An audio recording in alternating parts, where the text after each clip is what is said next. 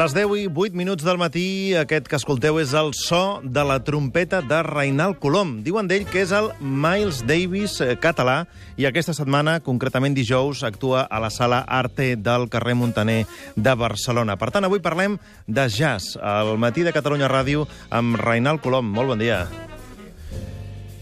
Molt bon dia. Això que et diguin el Miles Davis català sona fort, eh? És molta responsabilitat. Potser massa, però bueno, mira, agraït. Aquesta setmana, com dèiem, eh, concert dijous a la Sala Arte de Barcelona, Ah, però abans eh, també toques dimecres eh, al Guggenheim de Bilbao. Ah, algun hit a Bilbao, sí. Per tant, podríem dir que en general les coses van força bé, Les coses van molt bé, sí, no ens podem queixar. pel que és el context del, de la música i concretament eh, d'una música com el jazz, no? Uh, sí, tenim molta sort. Uh, jo i l'Aruan Ortiz, el pianista que, que és resident a Nova York, i estem doncs, just presentant... Uh, fent la preparació d'aquest disc i puguem tenir una mica de gira abans de fer aquest disc i uh, també és un plaer poder estar aquí a la Sala Arte de Barcelona, que és de les meves sales preferides ara, i poder en exclusiva a Catalunya poder presentar aquest projecte abans que surti en format disc de cara a l'any que ve. Per tant, aquest disc, que es dirà Flashes, és Exacte. així, eh, el gravareu amb eh, l'Aroan Ortiz al piano, Exacte. vosaltres dos sols. Nosaltres dos sols, sí, és un projecte de duo. Quina diferència hi ha quan toques amb l'Aroan Ortiz al piano que quan toques amb el, amb el teu quartet? Doncs uh, l'Aruan per mi és un dels més grans compositors contemporanis que ha barrejat jazz i música cubana i uh, és una, un challenge, com dirien en anglès, mm, tocar aquesta música i poder anar a altres llocs. Vull dir, sempre em porta a uns jocs molt diferents uh, dels... Diguem que surts una mica del camí normal i sempre et porta a llocs inesperats i s'agraeix molt. O sigui que et fa descobrir coses teves que ni tan sols tu eh, coneixies, per exemple. exacte, sí, sí. Eh, Aquest disc estarà a punt ben aviat Estarà a punt abril 2015.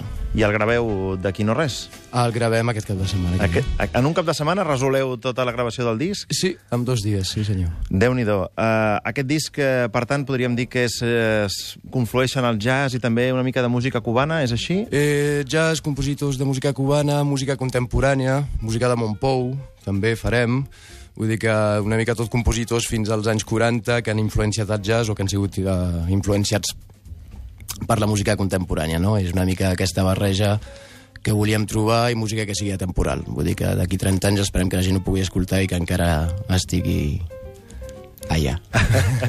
Uh, te- teniu intenció de, de recórrer, com ara fan molts grups, al crowdfunding per tirar endavant aquesta gravació? Per sort no, per sort no, perquè tenim un CGI que ens ha, uh, que ens ha agafat, uh, un CGI molt potent, no puc dir-ho encara ara, però gràcies a això vull que estarem... Uh, tot això estarà, no, no cal el crowdfunding i a més tindrem gires de cara al 2015 per tota Europa, Estats Units i Àsia.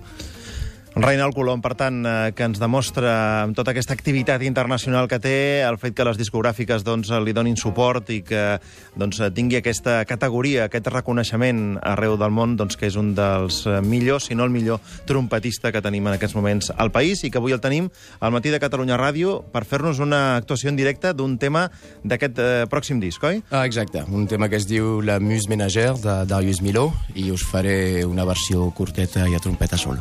Doncs quan vulguis, endavant.